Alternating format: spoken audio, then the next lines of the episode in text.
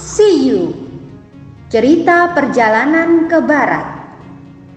Ditulis oleh Wu Cheng En Diterbitkan oleh Buana Sastra. Selamat mendengarkan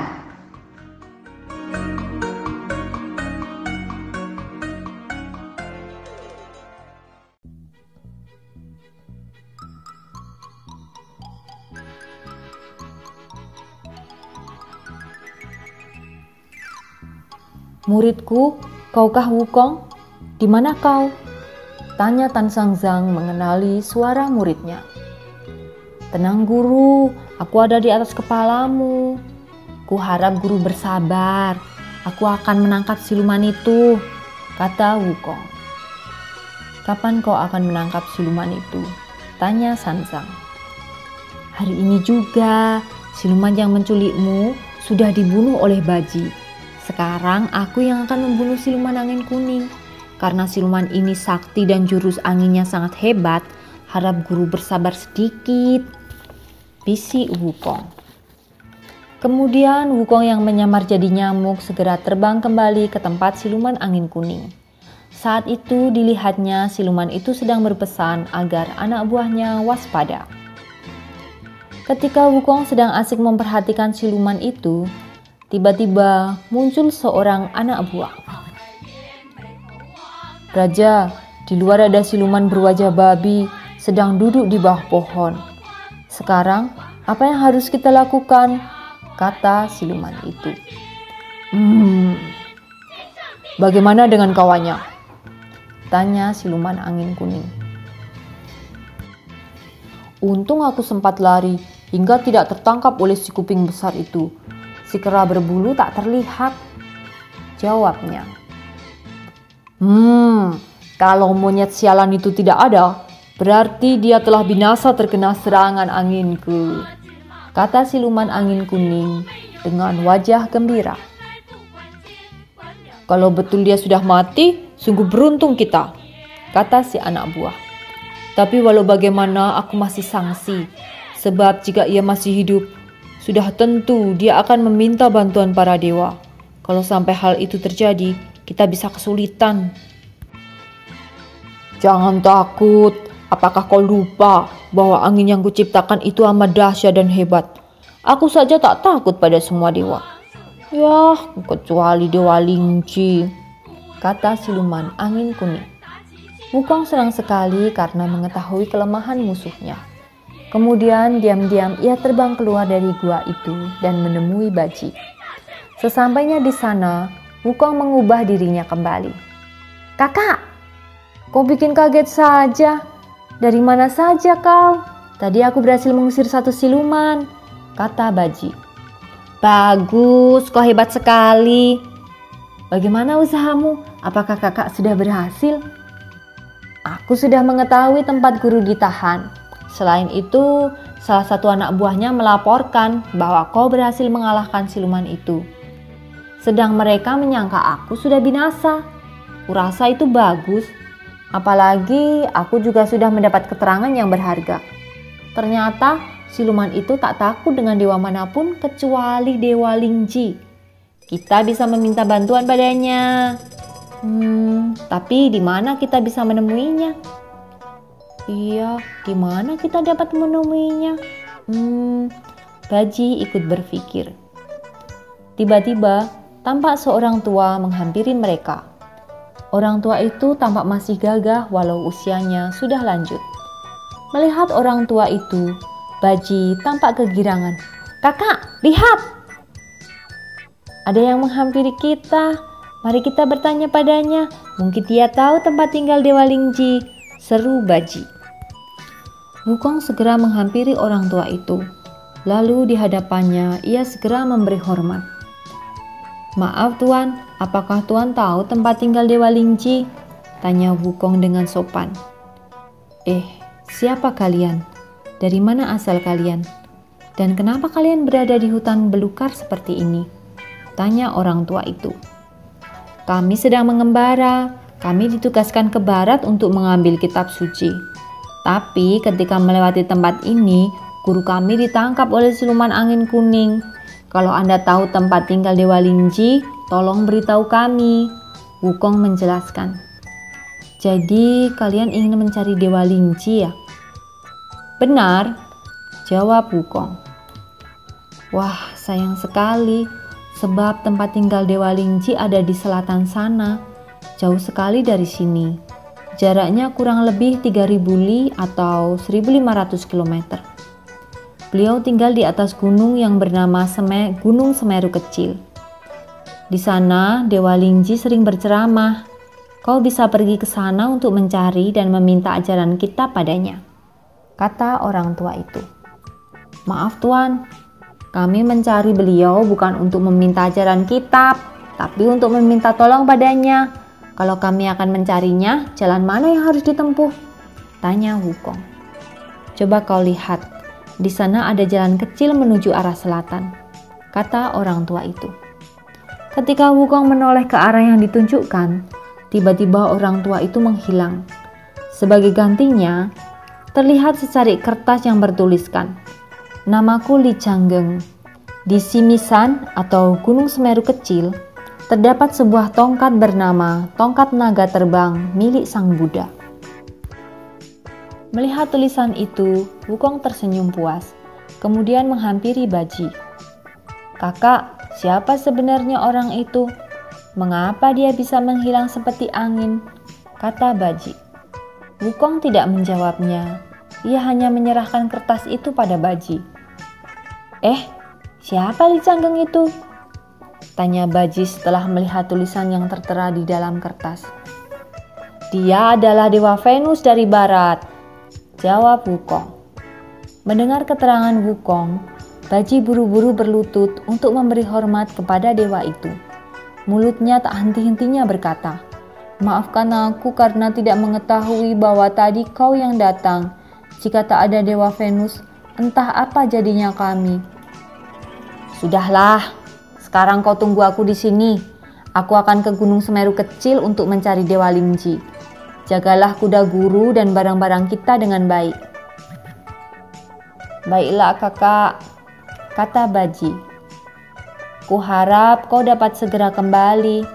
Jika musuh datang dan tak sanggup melawannya, mungkin aku terpaksa menggunakan ilmu kura-kura yang kumiliki. Dengan demikian, aku dapat masuk ke tanah untuk bersembunyi. Bagus, kata Wukong. Kemudian ia terbang dengan cepat dalam waktu singkat, ia sampai di atas gunung. Lembah gunung itu diliputi awan tebal. Di sana tampak sebuah rumah kecil yang pekarangannya sangat luas. Diam-diam, Wukong mendekati rumah itu dan melihat seorang duaren. Sapaan untuk biksu Taoisme yang sedang merapal doa. Duaren itu mengenakan kalung mutiara. Wukong segera memberi hormat yang dibalas dengan ramah oleh Duaren itu. Siapa kau? Dan dari mana asalmu? Tanya Duaren itu. Benarkah tempat ini adalah tempat Dewa Lingji berkhotbah? Tanya Wukong. Benar. Apa yang bisa saya bantu? Tanya Duaren itu. Maaf, jika tak keberatan, tolong sampaikan pada Dewa Lingji bahwa Sun Wukong datang, murid Biksu Tan Sang Sang, adik Kaisar Tang, ingin menemuinya. Kata Wukong. Duaren itu tertawa mendengar keterangan Wukong. Kata-katamu terlalu panjang, bagaimana aku bisa mengingatnya? Kata Duaren itu. Wukong tersipu. Begini, tolong katakan pada beliau bahwa Wukong, murid Biksu Tang, ingin bertemu. Duaren itu mengangguk. Kemudian masuk ke rumah kecil itu. Tak lama, muncul Dewa Lingji yang memakai jubah panjang. Ketika Wukong dipersilahkan masuk, bau dupa dalam ruangan itu sangat menyengat hidungnya. Dewa Lingji memerintahkan anak buahnya untuk menyediakan teh hangat untuk Wukong. Oh, jangan merepotkan, kata Wukong. Sebenarnya kedatanganku ke sini amat tergesa-gesa. Guruku ditawan oleh siluman angin kuning. Kedatangan hamba kemari hanya ingin meminta pertolongan Dewa Lingji agar siluman itu dapat ditundukkan. Kemudian Wukong menceritakan kejahatan-kejahatan siluman itu. Hmm, ternyata siluman itu melanggar janjinya, kata Dewa Lingji. Sebenarnya, aku diperintahkan oleh Buddha Rulai untuk mengendalikan siluman itu.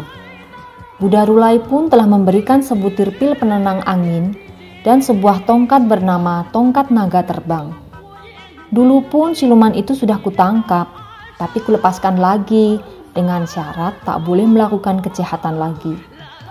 Tapi sekarang dia malah mengganggu gurumu. Aku jadi merasa bersalah. Jadi, bersediakah Dewa Lingji menolong kami? Tanya Wukong. Tentu saja, tapi Sebaiknya sebelum kita pergi, kau bersantap dahulu, kata Dewa Lingji. Tidak, terima kasih. Sebaiknya kita segera berangkat untuk membebaskan guruku, kata Wukong agak cemas. Kalau begitu, baiklah, kita segera berangkat, kata Dewa Lingji. Kemudian mereka berangkat dengan membawa tongkat naga terbang. Dalam sekejap, mereka telah sampai di sana. Dari tempat yang agak jauh, Dewa Lingji mengajak Wukong untuk berunding. Siluman itu takut padaku. Jika melihatku, sudah pasti dia akan lari. Karena itu, sebaiknya kau saja yang menemuinya. Tantang dia agar keluar dari guanya. Kalau sudah keluar, akan kutangkap dia. Kata Dewa Lingji. Baiklah, Jawab Wukong. Kemudian Wukong mendekati pintu gua. Dengan toya besinya, pintu gua itu dihajarnya dengan sekuat tenaga. Pintu gua itu hancur berkeping-keping. Siluman yang menjaganya sangat terkejut. Siluman itu segera lari untuk melaporkan hal itu pada siluman angin kuning. Hai, siluman angin kuning, cepat kau kembalikan guruku, kata Wukong. Mendengar teriakan itu, siluman angin kuning terperanjat. Sial, kurang ajar sekali. Monyet itu telah merusak pintu guaku. Sekarang dia takkan kuberi ampun. Seru siluman angin kuning dengan sengit. Kemudian, sambil membawa kapaknya, siluman angin kuning berjalan menghampiri musuhnya. Begitu berhadapan dengan Wukong, ia segera menyerangnya. Wukong yang cukup waspada saat itu melihat bayangan musuhnya menyerang dirinya. Ia pun segera berkelit. Wukong membalas serangan musuhnya. Mereka saling serang sampai akhirnya bertempur di luar gua.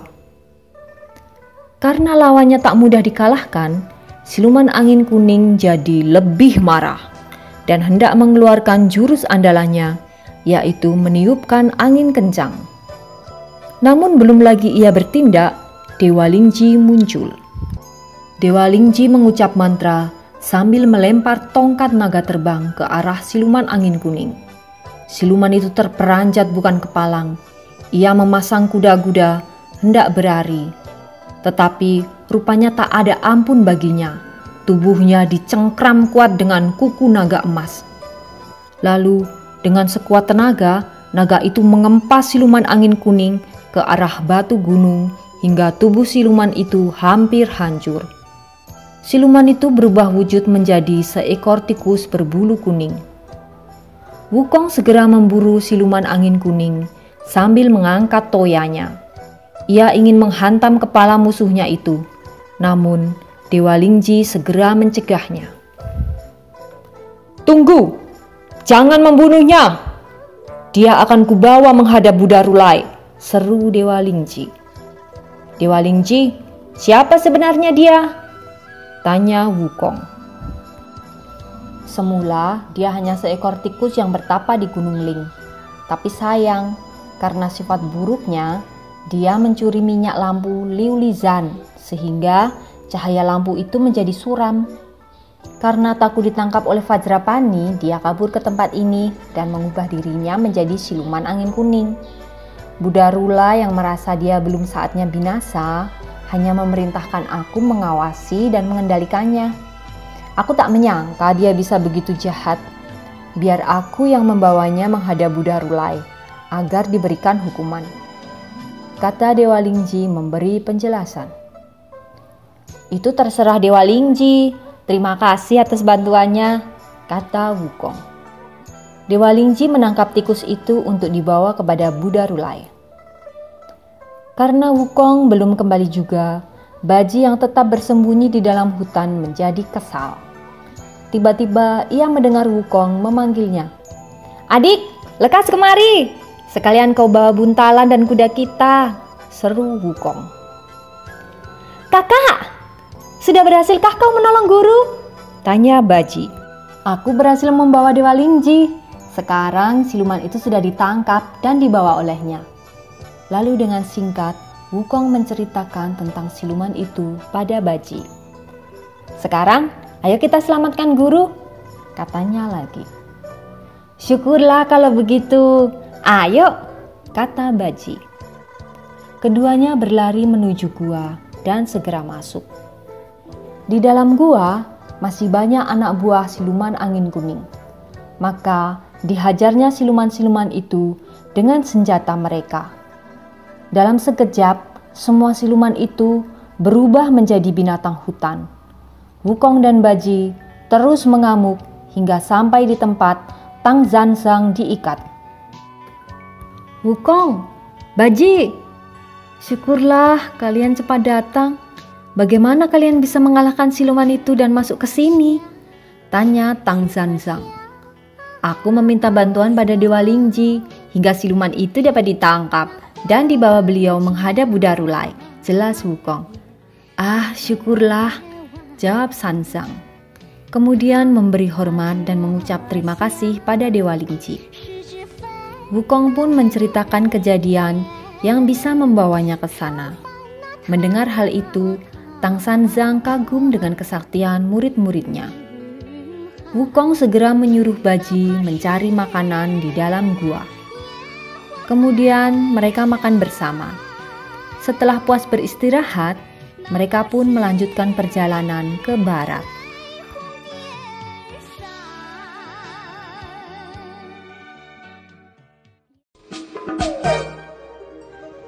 Dengarkan kisah selanjutnya dengan teman membaca yang lain. Terima kasih.